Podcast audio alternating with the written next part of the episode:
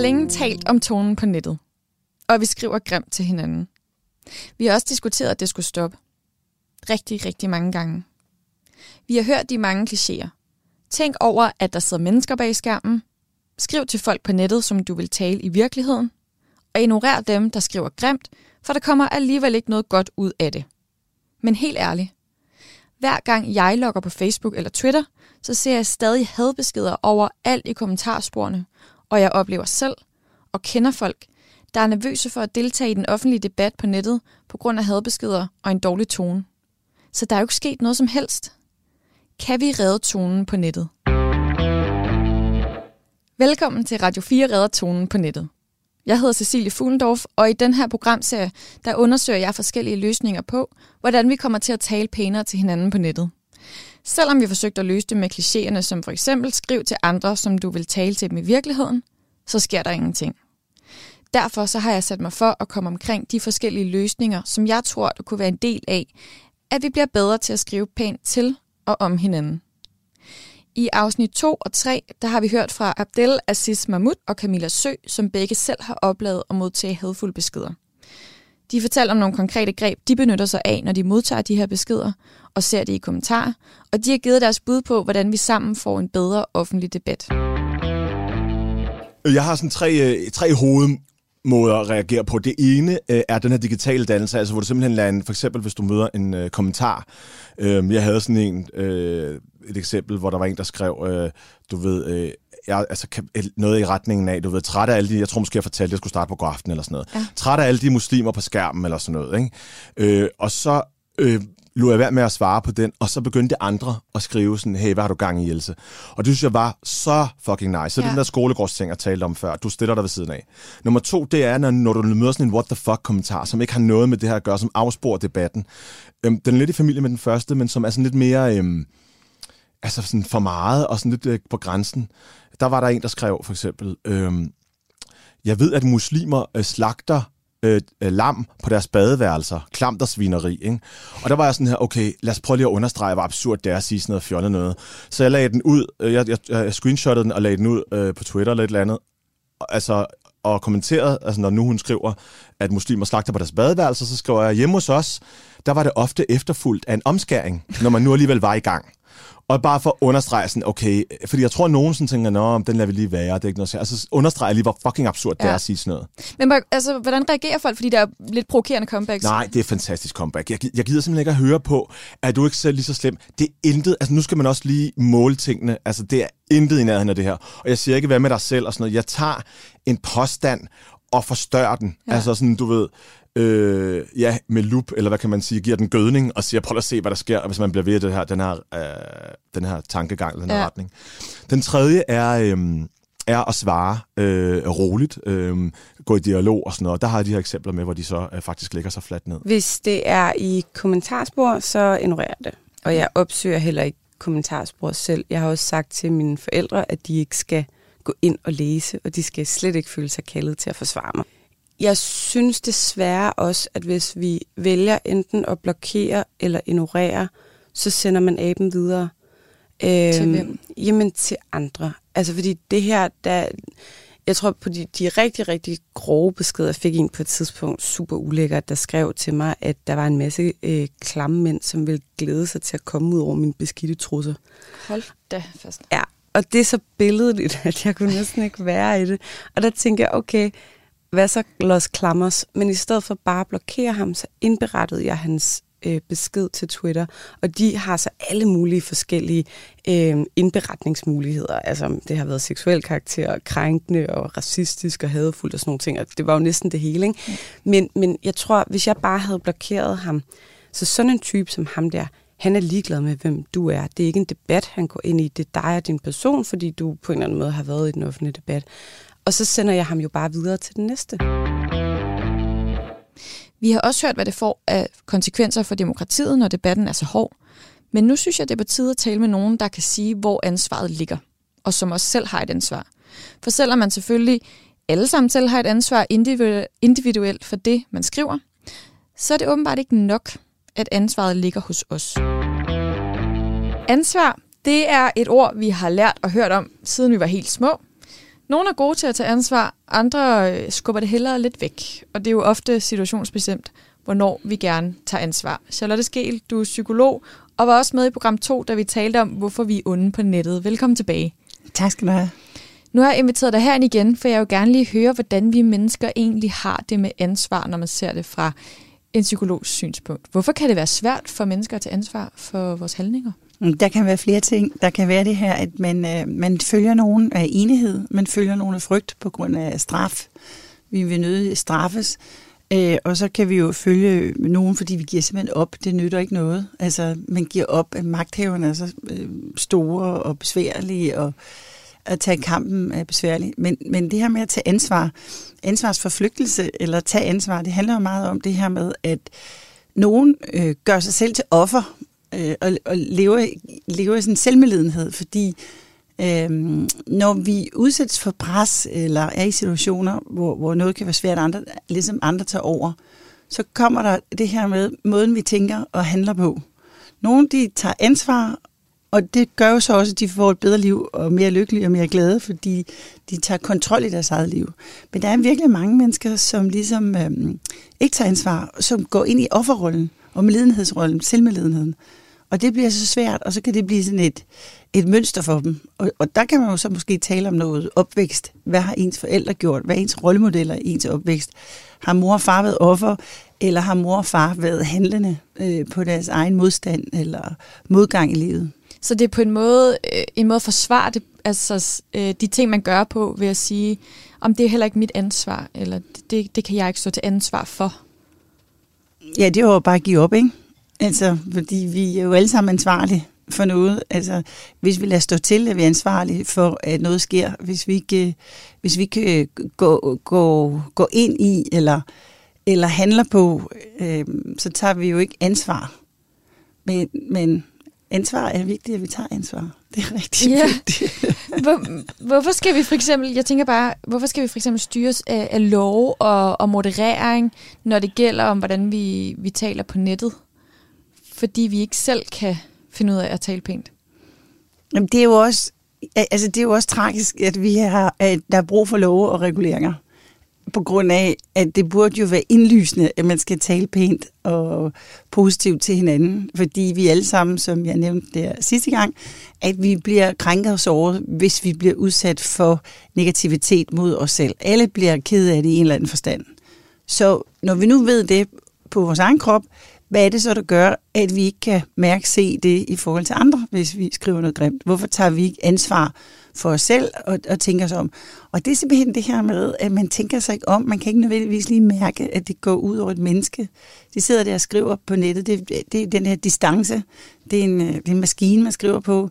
Så man tænker ikke over, der er en person bagved, der faktisk virkelig, virkelig, virkelig bliver lykkelig, og man kan være med til at ødelægge andre menneskers liv. Så derfor bliver man nødt til nogle love og reguleringer, fordi nogle mennesker åbenbart ikke kan finde ud af at styre sig selv. Og det er super ærgerligt, fordi efterhånden har vi så mange love øh, i hele samfundet, at man kan dårligt nok gå ud af døren, uden man er kriminel. Altså. Men kan vi så ikke gøre noget, hvis vi gerne vil blive bedre til at tage ansvar for vores egne handlinger på nettet? Jo, øh, det kan du tro. Vi kan gøre rigtig mange ting. Øh, vi, kan jo, øh, vi kan jo få nogle skolesystemer, som i den grad tager psykologi ind, så vi forstår øh, psykologien bagved vores handlinger, fordi øh, lærer vi fra starten af, fra vi er helt små af, så lærer vi også at forstå, hvad vi gør ved andre. Det har man jo ikke med inden. Og det undrer mig også, at man ikke har psykologi, fordi det fylder så meget. Og sjovt nok, så er det jo faktisk noget af det, der interesserer de fleste mennesker i dag, og specielt når de bliver ældre og så, så det undrer mig, at psykologien ikke er med. Man kan også gøre meget med meditation, øh, terapi, Det kan jeg nemlig yoga. også huske, du nævnte sidst. Ja. ja, altså der sker jo det her med, at øh, når vi mediterer, så får vi jo en indre ro, men vi bliver, vores stresstærskel falder jo også markant. Så det vil sige, at hele vores kortisol, som er stresshormonet, det falder. Øh, vi kommer mere i balance, og når man er i balance, har man jo ikke lyst til at være onde over for andre mennesker. Og, der, og så er der jo helt øh, terapi, man arbejder med sig selv, så begynder man jo også at forstå, Øh, Øh, når man kommer dybere ned i ens egen smerte, så begynder man at forstå andre menneskers smerte. Ja. Kan man på nogen måde øhm, øh, nudge eller hjælpe andre til at tage ansvar på nettet. Nudge det her, hvor man sådan leder lidt folk i, i en bestemt adfærd. Hvis man nu synes, man ser nogen, der enten sætter sig i den her offerrolle, som du snakker om, og siger, at det er, altså, det er derfor, jeg skriver grimt, det er fordi, jeg mener, øh, at det er deres og deres, deres skyld, og det er i hvert fald ikke min egen skyld. Kan man hjælpe på nogen måde? Ja, det kan man sagtens, fordi vi mennesker, øh, hele det her stimulus, øh, stimuli-respons, altså bliver vi, øh, får vi en gulerod, får vi øh, noget positiv feedback på noget, noget adfærd, vi gør.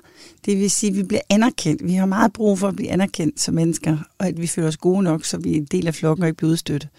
Så hvis vi bliver anerkendt på noget adfærd, for eksempel at øh, hvis vi bliver anerkendt på at skrive noget ordentligt eller pænt, så får vi mennesker, så er vi så primitive, ligesom en hund, der gerne vil have en godbid for at gøre noget godt, at den siger sit eller dæk, ikke?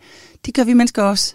Så vi kan jo, man kan jo lave sådan en social, altså en social tankegang, øh, hvor vi laver sådan en, et socialt eksperiment, at man simpelthen anerkender hinanden for det fede, de skriver, det gode, det positive. Og ligesom ignorerer, når folk skriver noget negativt, eller noget ondskabsfuldt, eller noget nedgørende, øh, stødende, krænkende, at det er noget, som ikke er positivt set på. Men der tror jeg sgu også, hvis, undskyld, kom til. Det er okay. Jeg vil klippe lige den.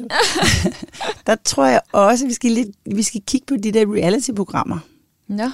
Fordi reality-programmerne bliver meget, det bliver jo så meget en sandhed. Andre gør sådan. Altså, der er rigtig mange unge mennesker, som ser de her reality-programmer. Og der er rigtig meget grim tale i de her reality-programmer. Altså, når man ser familiesystemer, eller Paradise Hotel, eller hvad det nu ellers hedder øh, der er sprog altså ikke lige det mest avancerede, eller det mest øh, begavede, eller det mest reflekterende øh, mange gange. Men jeg tænker også, altså, jeg synes, øh, jeg synes, jeg har set flere generationer på, på tværs skrive grimt på nettet, men at de især også, der må jeg bare sige, er, er, er den mere modne gruppe, som, som simpelthen kan skrive så voldsomme ord, fordi jeg er godt med på, at det kan lyde grimt, når man siger øh, fucking eller fandme og sådan nogle ting. Men, men det er jo det der med at kalde hinanden for luder, eller smatso, eller bøsserøv. Altså de der sindssyge hårde ord, ikke? som jo er sådan mere... Øhm,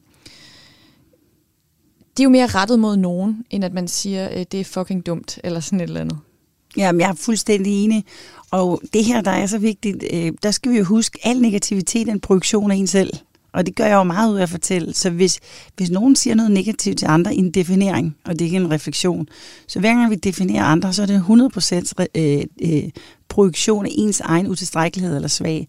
Så hvis en mand kalder en anden kvinde luder, så er det faktisk, fordi han selv øh, ser sig selv som en eller anden primitiv figur, øh, og sælger til salg for noget inde i hans indre sind. Okay. Og meget af det her grimme sprog, der kommer, og det er også rigtigt nok, det er i alle generationer, det handler jo om, at man er dybt frustreret i sit liv. Der er jo ikke nogen lykkelige mennesker, der har lyst til at skrive noget grimt. Så vi ved, at de her mennesker, de øh, har det ikke godt, at de er ikke tilfredse, de er ikke forløst, de er uforløst. Ellers har man jo ikke brug for at skrive det her. Tror du, at øhm, tror, tror du, det nogensinde er for sent at lære at tage ansvar for sig selv i sit eget liv? Nej, det tror jeg ikke. Jeg er optimist. Det er godt. jeg er helt sikker på, at man kan lære det. Ja. Og jeg tænker, at øh, når jeg lige, da jeg nævnte det her tidligere omkring det her med, at nogen sådan tager lidt den der offerrolle, eller det er synd for mig, så skal de andre også have noget hug over tuden, ikke? fordi jeg har haft det hårdt, eller jeg har det hårdt. Ikke? Og, eller siger, det kan, det kan være fuldstændig lige meget, eller det kan fandme være lige meget, eller du er bare en, du er bare en idiot. Ikke?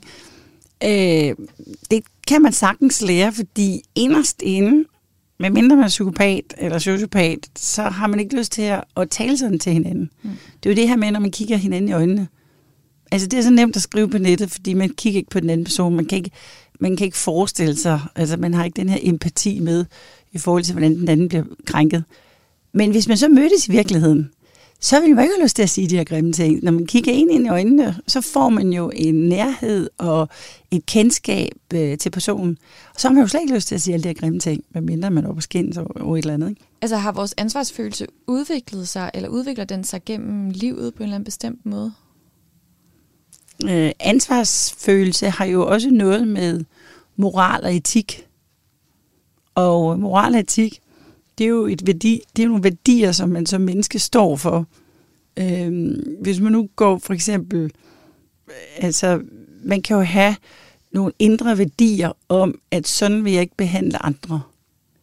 Så derfor ansvarsfølelse i forhold til, hvordan jeg udtrykker mig, og, og kritisk øh, for, over for andre, har også noget med de her grundlæggende værdier, som jeg selv står for. Og hvis man ikke har dem med hjemmefra, eller hvis man aldrig har lært dem nogen steder, så kan det jo være, at de måske ikke er så tydelige. Det kan også godt være, at man lærer dem, øh, men ikke bruger dem og anvender dem, fordi man ikke tager ansvar for det. Men jeg tænker, at al den her fokus på konsekvenser, øh, det her med, øh, at der er også nogen, der har øh, sendt nøgenbilleder til deres venner af forskellige, som de kender fra en klasse eller nogle andre steder. Hele det her fokus, MeToo, er også med til at gøre opmærksom på, der er altså nogle konsekvenser af noget, så vi skal til at tænke lidt over vores handling. Hvad er det i virkeligheden, jeg gør?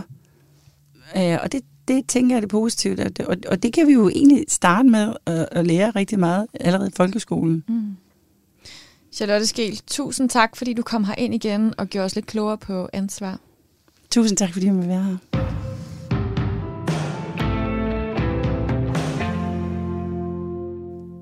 Nu har vi snakket om det individuelle ansvar, men øh, Sofie Ole Winkler, reporter på programmet, du har jo også talt med en, øh, som har øh, ansvaret på et lidt højere niveau.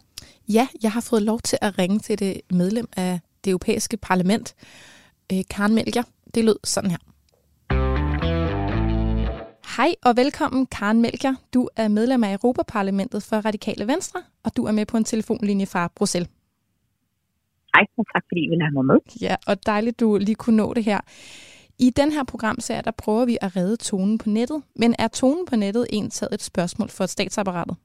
Jeg mener ikke, tonen på nettet er et spørgsmål for statsapparatet, men det er et spørgsmål for statsapparatet at få platformene til ikke kun at tænke på at få os til at skrive mere, mene mere øh, på nettet i vildskab, men også at se på, jamen, hvad er det for nogle platforme, de får designet. Er reglerne gode nok, som de er i dag? Nej, det er de ikke. Det er uklart, hvad der sker. Det er uklart, hvad reglerne er. Øhm, du ved ikke, øhm, hvad der foregår, øh, når platformen tager en beslutning. Dine øh, ting kan blive taget ned, øhm, og reglerne er heller ikke gode nok, som de er, fordi at platformen har fået skabt en debatklima på nettet, hvor folk bliver chikaneret og hængt ud uden at de reagerer over for det, og det øh, lukker ned for folks ytringsfrihed. Nu siger, du, øh, nu siger du selv det her med, at platformene skal reagere, men du siger også, at det, de i virkeligheden mest skal, det er bare at forholde sig til deres egen platform. Betyder det, at platformene øh, skal gå ind og moderere, eller have nogle algoritmer, der modererer, eller skal de kun være på den mere, kan man sige, filosofiske del, og bare have nogle overvejelser omkring, hvad deres platform betyder for demokratiet og samtalen? platformen skal have en mekanisme, hvor vi kan flage indhold, som er ulovligt, og at det kan blive taget ned. Uh, vi kan også flage indhold, som går imod deres terms and conditions i, uh, i husregler, som de har på deres platform. Mm, problemet med det er, at reglerne for, for huset på, på platformen er ikke særlig klare. Du ved ikke reelt, hvad der er i orden at skrive på Facebook, øh, eller hvad der ikke er i orden det, som platformene også skal gøre, det er, at de skal opbygge deres platform på en måde, sådan så at du uh, ikke ligefrem opfordrer til chikane og råberi, men at man får en bedre dialog, og det kan man godt, hvis man designer platformene bedre. Hvordan kunne det være, man, hvad kunne dit forslag være til en bedre et interface, et bedre interface?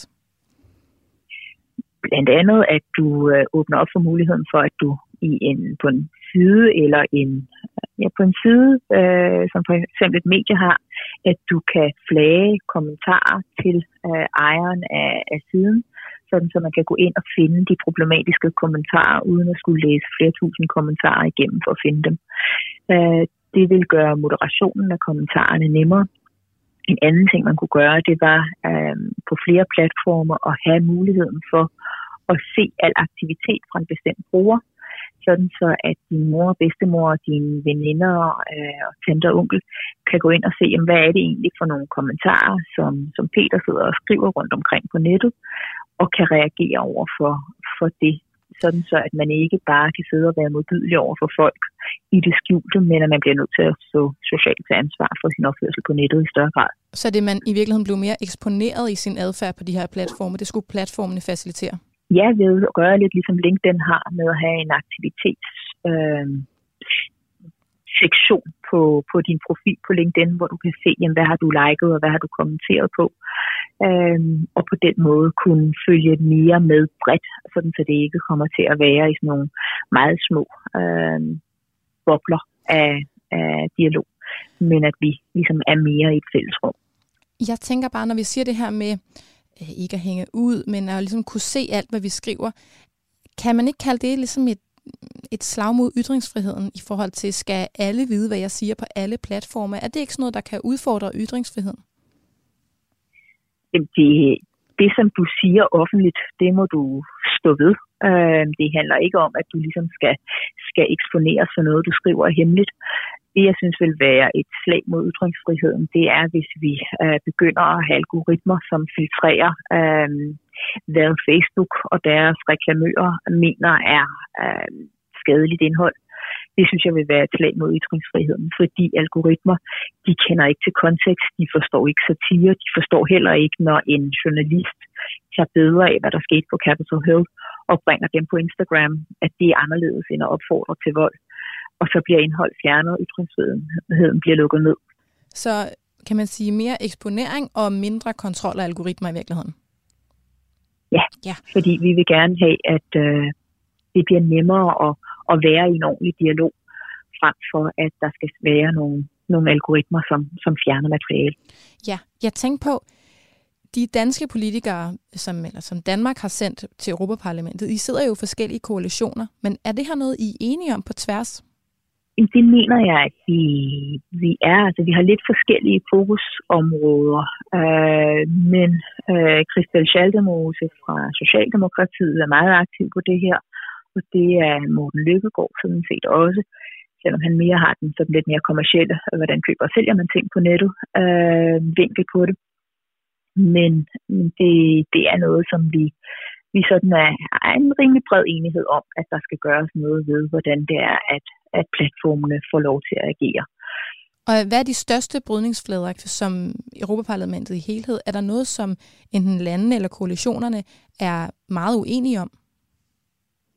Øh, lande som Frankrig og Spanien, de vil gerne have, at man ikke kun øh, skal anvende de love i det land, hvor du sidder og skriver noget, men også skal anvende de love i det land, hvor folk læser det.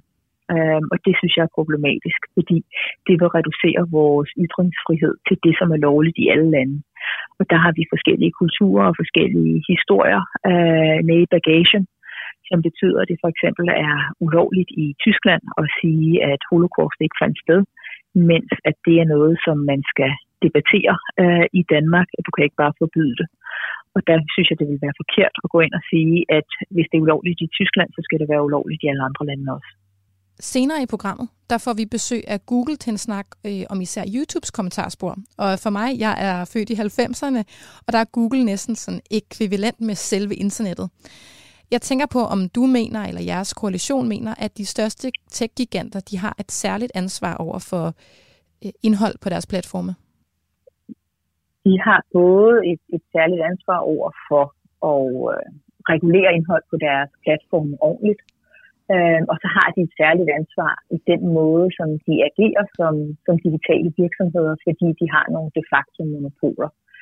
Og både øh, Google med YouTube og Facebook har et, et ganske særligt ansvar for at øh, ikke både være øh, den, der skriver reglerne og den, der håndhæver reglerne, men at vi skal have en kontrol med, hvordan det er, de modererer reglerne, og også have indsigt i, hvad er det for noget materiale, som bliver fjernet. Fordi blandt andet på YouTube, der bliver der ofte fjernet indhold fra øh, for eksempel krigsforbrydelser, øh, fordi det, det er meget voldeligt og meget voldsomt indhold.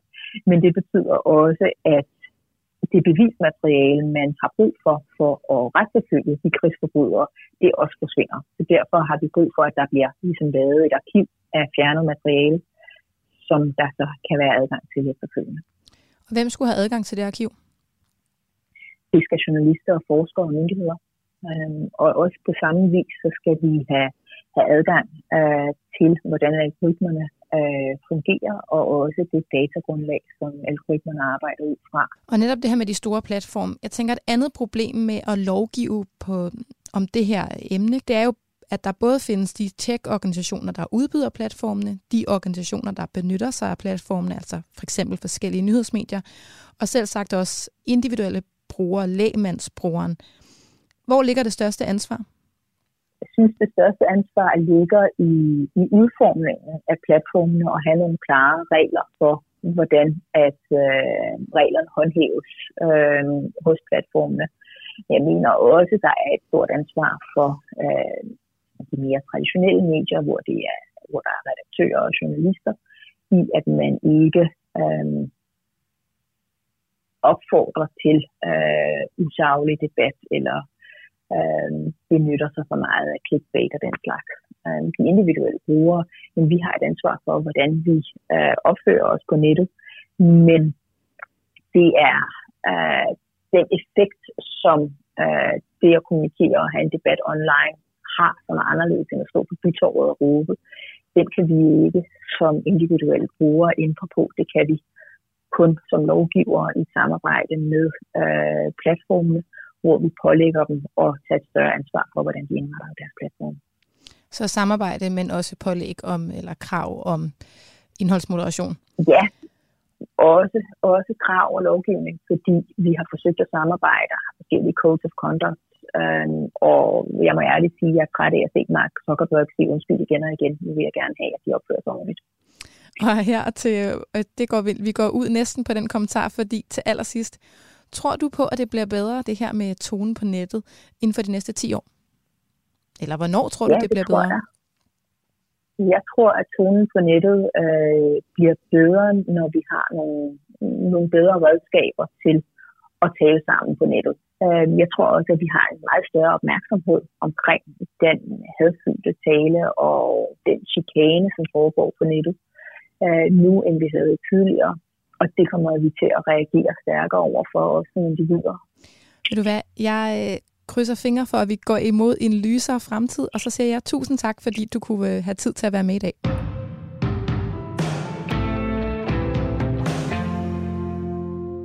Sofie Ole Winkler, reporter på programmet. Vi skal lige se på, hvad medierne, og her mener jeg altså nyhedsmedierne, rent faktisk gør, når de skal vælge, hvad der må stå og ikke må stå i kommentarfelterne. Fordi der er jo nogen, der har taget en øh, kæmpe konsekvens af debatten om den er hårde tone på nettet, og det er Ekstrabladet, som øh, simpelthen har fjernet nationens kommentarspor. Og det var de her anonyme kommentarer, som var kendt for en ekstrem voldsom debatkultur, der ofte var meget racistisk og chikanerende og sexistisk og meget lidt nuanceret.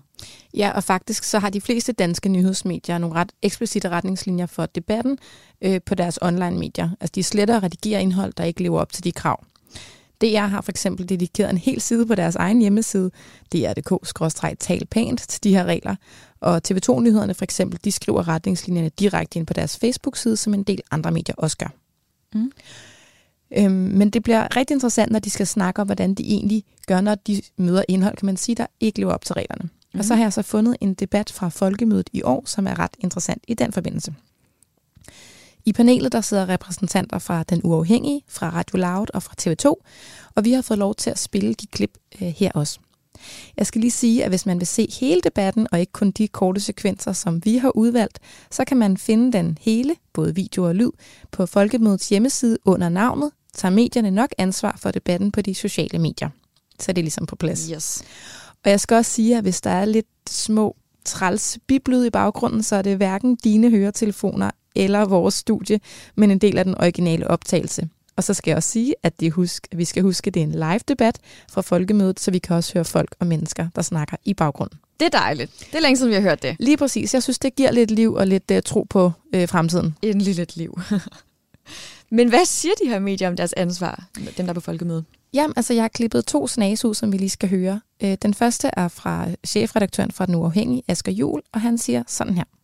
Øh, og derfor så har vi medier også et ansvar for, synes jeg i hvert fald, at, øh, at sørge for, at det ikke bliver for voldsomt. Øh, det der. Og jeg er jo som chefredaktør på et lille bitte medie, det vil sige, det er mig, der egentlig i sidste ende skal bestemme, om en kommentar skal være der, eller ikke skal være der. Mm. Og når du har den mulighed for at bestemme, hvad gør I så nu? Hvad vi gør? Ja. Vi tager dem væk, som er øh, perfide og åndssvage og ikke bidrager til debatten. Øh, vi har egentlig ikke taget så mange væk. Øh, men det er også, fordi vi har ikke rigtig har ressourcerne til at sidde og finkæmme det her. Mm. Men der er jo en masse dilemmaer.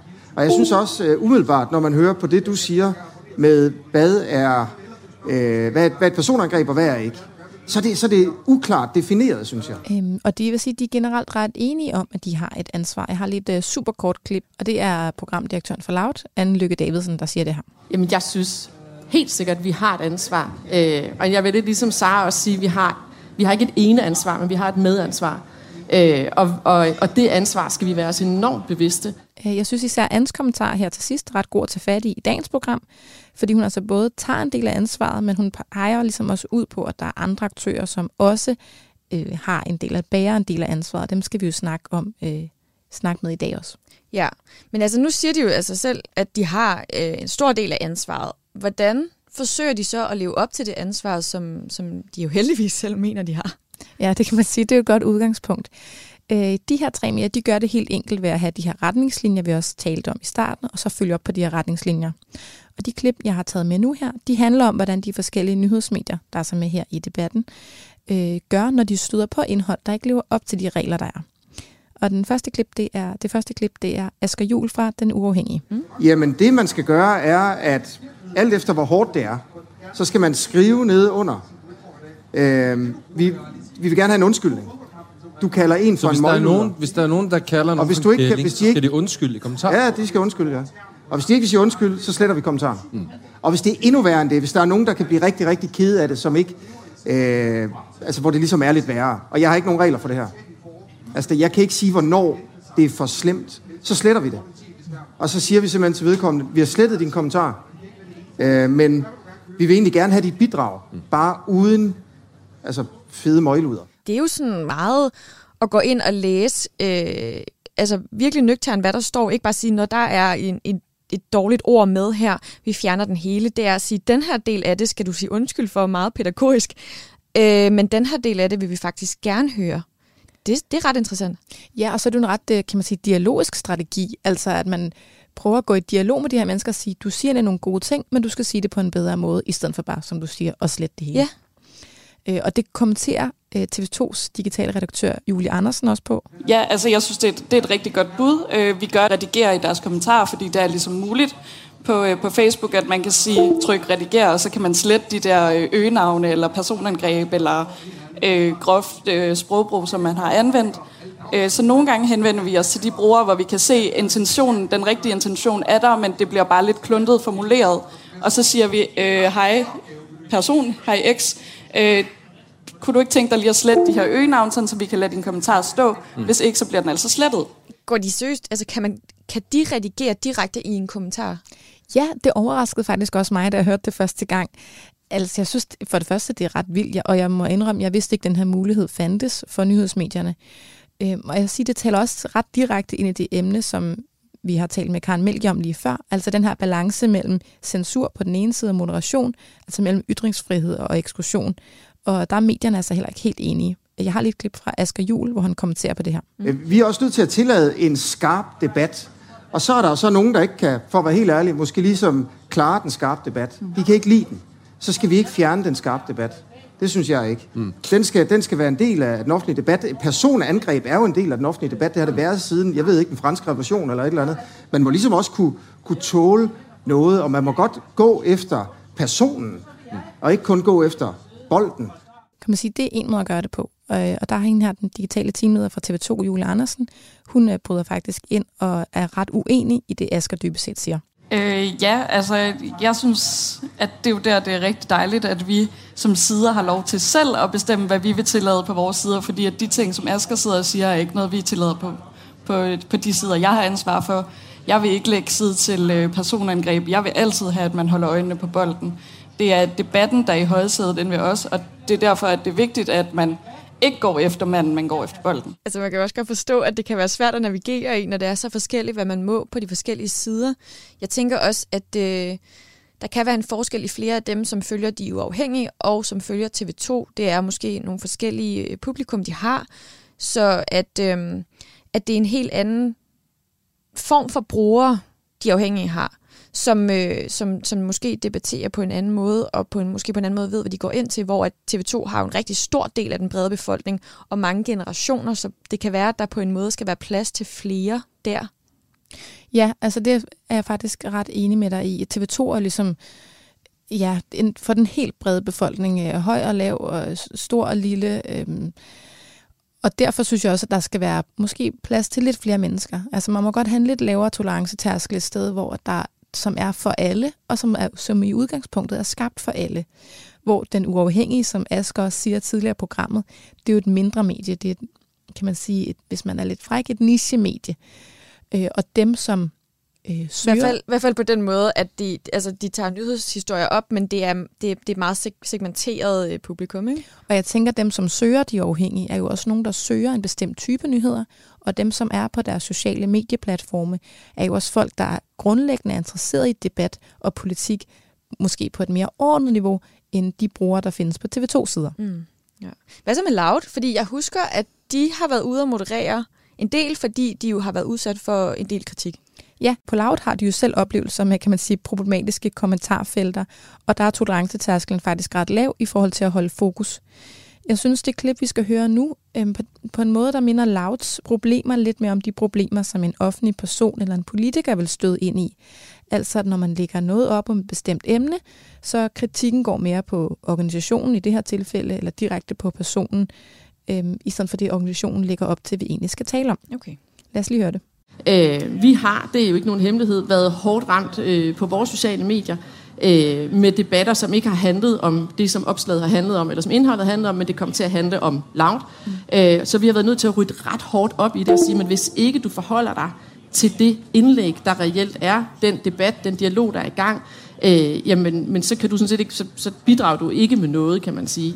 Det synes jeg faktisk også er lidt interessant, fordi så, så bestemmer man jo også pludselig, hvad folk må debattere, øh, og ikke kun hvordan. Altså, for det vi jo det, der fokus på, det er, hvordan man taler til hinanden i det her. Men hvis nu debatten kører over og bliver til et eller andet andet, øhm, som måske øh, egentlig er en fin debat, men bare handler om noget andet end selve opslaget, så fjerner de også det, eller hvad?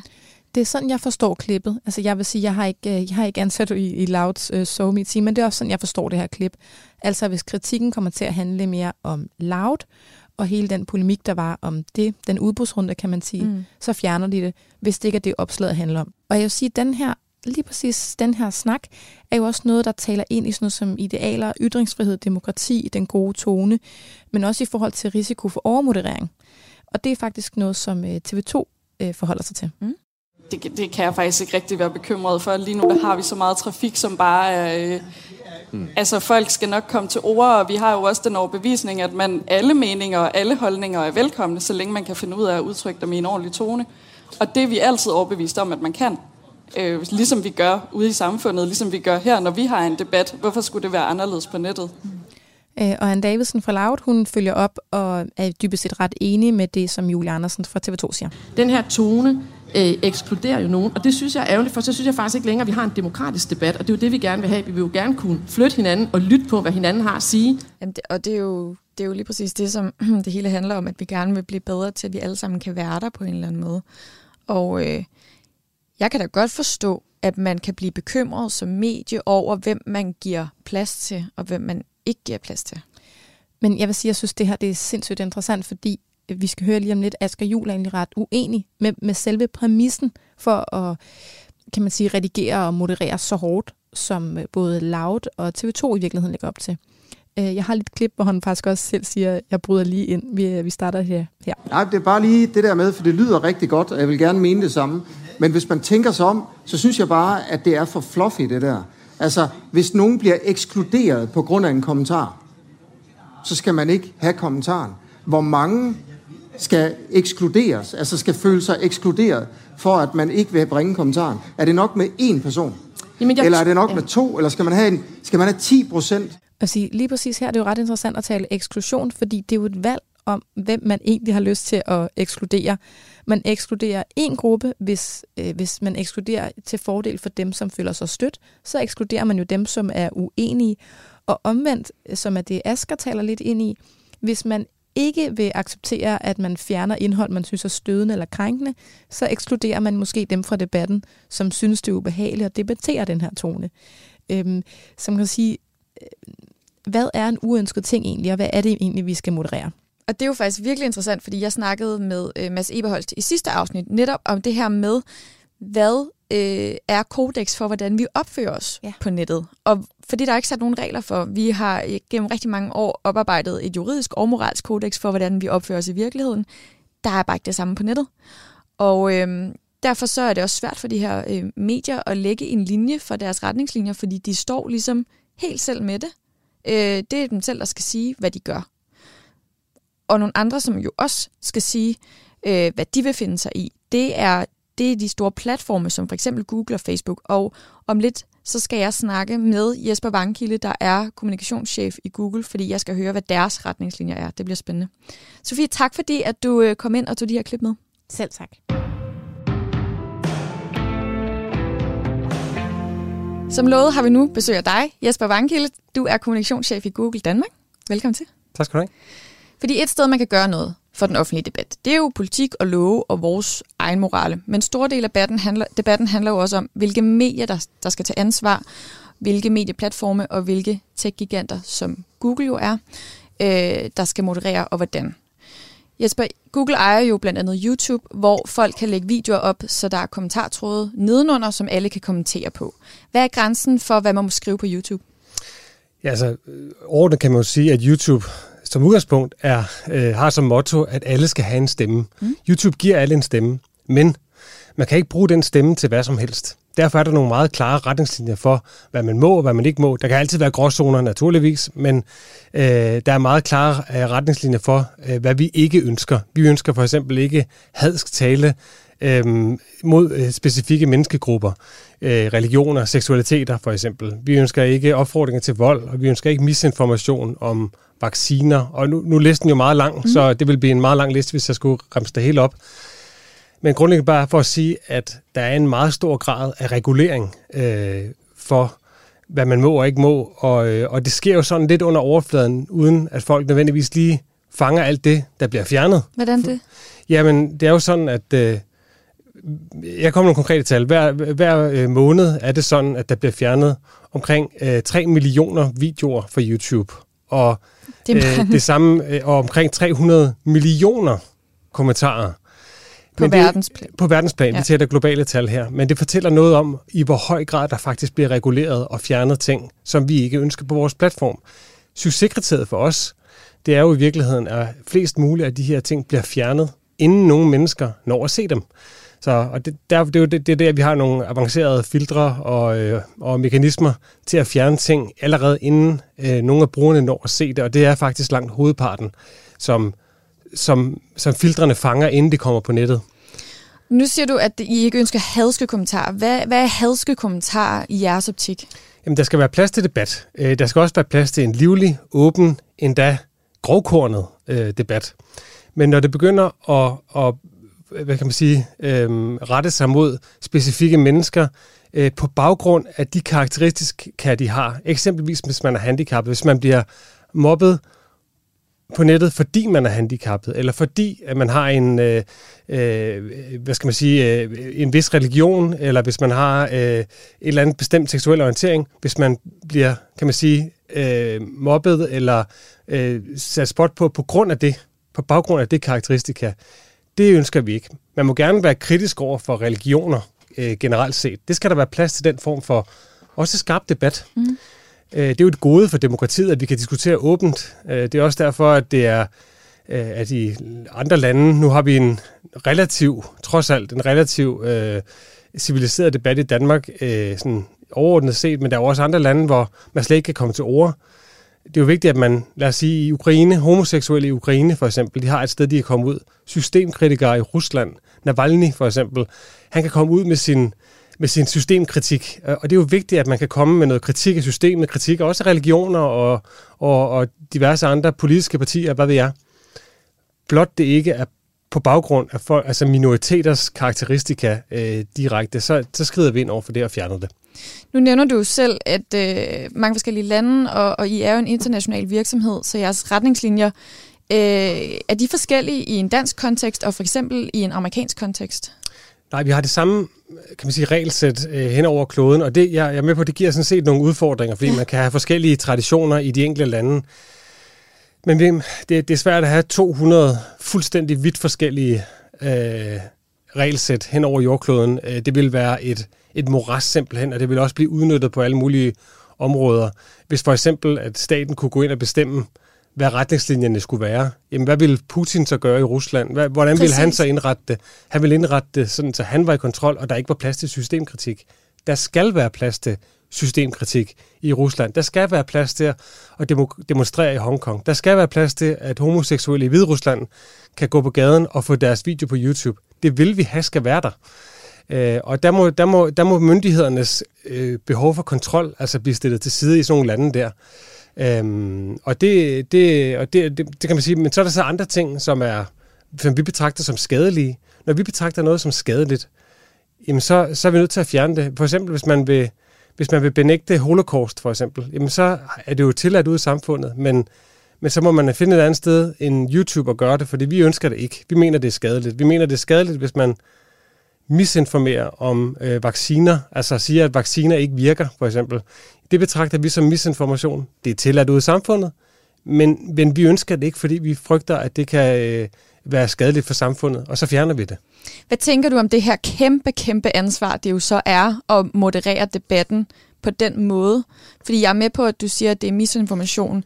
Men øh, vi har jo også folk, der siger, at der skal være plads til øh, fortolkninger og fake news, fordi ellers så får vi aldrig nogensinde sat tanker i gang om, om, om mere, kritisk, øh, mere kritik af, af, af de pågældende normer.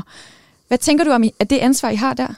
Jamen, på, på nogle måder, øh, der skal der være plads til, at man har en debat om, hvad der er rigtigt og forkert. Vi kan ikke gå ind og være sandhedspoliti på samtlige udsagn, Øh, og derfor vil der sikkert være alle mulige ting på YouTube, som er forkerte, som er faktuelt forkerte, øh, ligesom der er i medierne i øvrigt, øh, faktuelt forkerte udsagn. Det skal der være i, i, i plads til i en bred og åben debat. Vores grænse det går, når vi mener, at det går hen og bliver skadeligt. Øhm, for hvem? Ja, for, for folkesundheden for eksempel. I det her tilfælde med vacciner. Øhm, der kan det godt være, at øh, man, man, man som enkelt individ har lov til sådan generelt at have en holdning om, at jeg er, jeg er voldsomt imod vacciner, og jeg synes, at alle andre skulle lade være med at tage vacciner. Det synspunkt må man så respektere. Så er det bare et andet sted end YouTube, man skal finde til at udbrede det. I har en øh, side øh, på nettet, der hedder håndhævelse af YouTubes retningslinjer for fællesskabet, hvor I skriver, at I både har mennesker og teknologi til at fjerne hadfuldt indhold.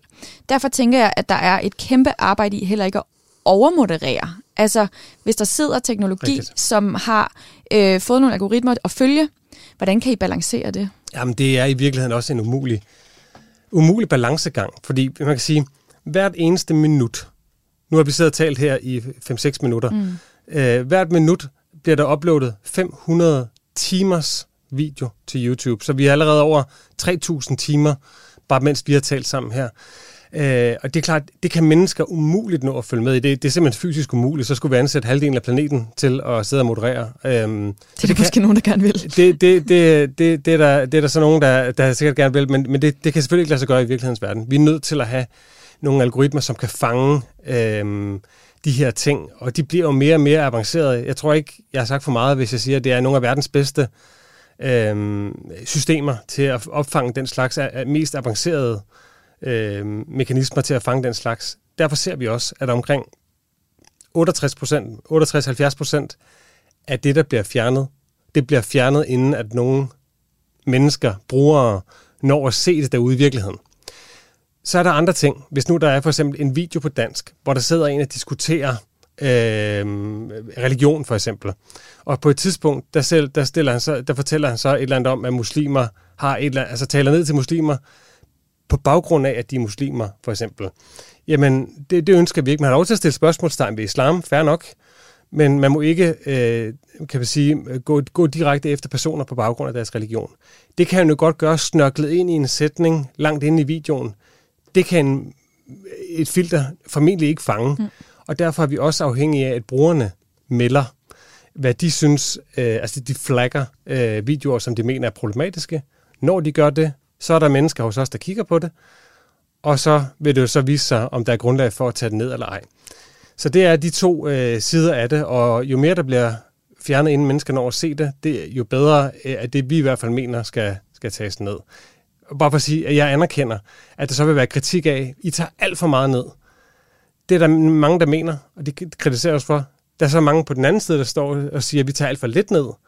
Øhm, jamen, og der er, der er vi så et sted midt imellem og forsøger at ramme et eller andet balance.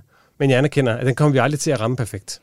Regeringen de lancerede her den 18. juni øh, en rapport med ni principper øh, om tech-giganter som Facebook og Google og deres ansvar herunder ansvaret for, hvad der bliver delt og skrevet på sociale medier. Og nogle af dem her er, at tech-giganterne skal underlægges demokratiske rammer, og tech-giganterne skal understøtte den demokratiske samtale og ikke undergrave den ved at skabe polarisering og digitale ekokamre. Det lyder jo rigtig fint, men hvordan sikrer I, at der ikke bliver skabt digitale ekokamre, som kan styrke, altså som styrker hadet på nettet? Først vil jeg sige, jeg er fuldstændig enig i, øh, og det er vi fra Googles side, at, at der er brug for demokratiske rammer. Øh, det er vi også i gang med. Der er jo lovgivning i gang på det her område, hvor vi øh, hjælper til det, vi kan, og, og, og spiller ind med det, vi kan.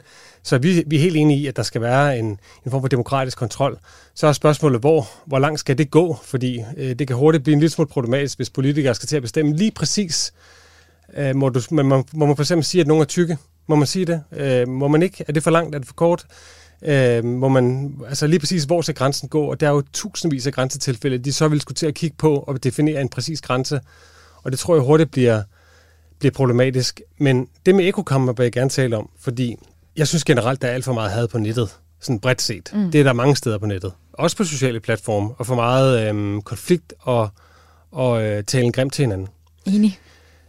Øh, lige præcis den teori om ekokammer og det, der bliver kaldt filterbobler, at man ligesom bliver lukket ind i sin egen filterbobler, det er jo noget, som eksperter faktisk tilbageviser. Øh, hvis man ser på de seneste forskning på, den, på det område, jamen, så er der kommet en del forskning på det seneste, som viser, at der ikke er grundlag for det her med den her teori om filterbobler og ekokammer, at man bliver låst inde i sine egne holdninger på nettet. Tværtimod så følger folk det normale nyhedsbillede, og derudover så kommer de så, øh, ser de så noget debat på, øh, på nettet, øh, som, som bidrager om yderligere perspektiver. Øh, så jeg, jeg kan ikke helt genkende, at der er et stort problem med det, der bliver kaldt filterbobler. Øh, Folk de er i, øh, de får nogle gange nogle anbefalede ting på baggrund af deres interesser. Jeg ser meget tennis, så får jeg mange t- øh, tennisvideoer øh, foreslået. Men, men jeg kan ikke genkende helt det, det billede af, at folk bliver låst inde i, øh, i, i et meningsfællesskab og ikke, ikke oplever andre perspektiver. Det er mere, hvis man ligesom lander i, i, i en eller anden boble. Øh, nu ved jeg godt, du siger, at, øh, at der ikke er den her filterboble, men for eksempel på YouTube, hvor at man sidder og, og, og bliver enige om, om en masse ting, under i et kommentarspor. Hvordan går I ind og modererer det, så det ikke bare bliver en, en forstærkning af had? En af de ting, vi, vi forsøger efter bedste evne, det er, at ting, som er lige inden for vores retningslinjer, nogle af de her, de er også kloge, de ved lige nøjagtigt, hvor retningslinjen er, sådan, mm. så det ikke teknisk set overskrider vores retningslinjer, men det, der er ret yderliggående, men dog inden for retningslinjerne, så sørger vi for, at det kan ikke blive øhm, hvad hedder det, anbefalet. Øh, det er godt ligge der, det eksisterer, vi kan ikke tage det ned, men vi sørger for ikke at anspore yderligere, altså promovere det. Ud til andre brugere, ja, eller hvordan? Så, så, bliver det ikke, så er det ikke en del af det der anbefalingssystem. Det er for eksempel et tiltag. Der er, der er mange af den slags tiltag for at trods alt begrænse spredningen af yderliggående materiale. Som vi jo har nævnt en del gange i den her podcast-serie, så har debatten, på tonen, øh, debatten om tonen på nettet jo været der rigtig længe. Synes du, det ser ud til at gå bedre, eller synes du, det ser ud til at gå værre? Ja, det er faktisk et rigtig godt spørgsmål, fordi det er, en, det er jo en debat, der har, der har været der i mange år. Vi har, mindst 10 år har vi talt om, hvor øh, at, der, at tonen på nettet er, er slem. Mm. Det er jo ikke et, et, et social mediefænomen alene. Det er jo også, man ser det jo også i etablerede medier. Øh, jeg tror også, man har set rapporter her på det seneste, for at tonen i kommentarsporene på helt etablerede medier er... Inde på deres hjemmesider. Inde på deres hjemmesider, ja. under, under artikler, mm. under debatindlæg, jamen så kommer der de her hæftige kommentarspor. Så det er jo, det er jo kommentarspor findes jo på sociale medier og i etablerede medier og alle mulige andre steder også. Jamen, jeg ved ikke, jeg synes også, man ser øh, flere og flere eksempler på i hvert fald, øh, at, at, at, der, at de også bliver brugt til ros, øh, og, og ikke kun vild og blodig debat. Men det er nok svært øh, helt at komme af med, og vi skal nok heller ikke af med den hæftige debat som sådan. Det er jo en af, af også de positive ting ved det danske samfund, at vi netop kan gøre det. Øhm, uden at, uden at hugge hovedet af hinanden fysisk. Jesper Vankilde, tusind tak, fordi du vil være med i dag. Tak for at komme.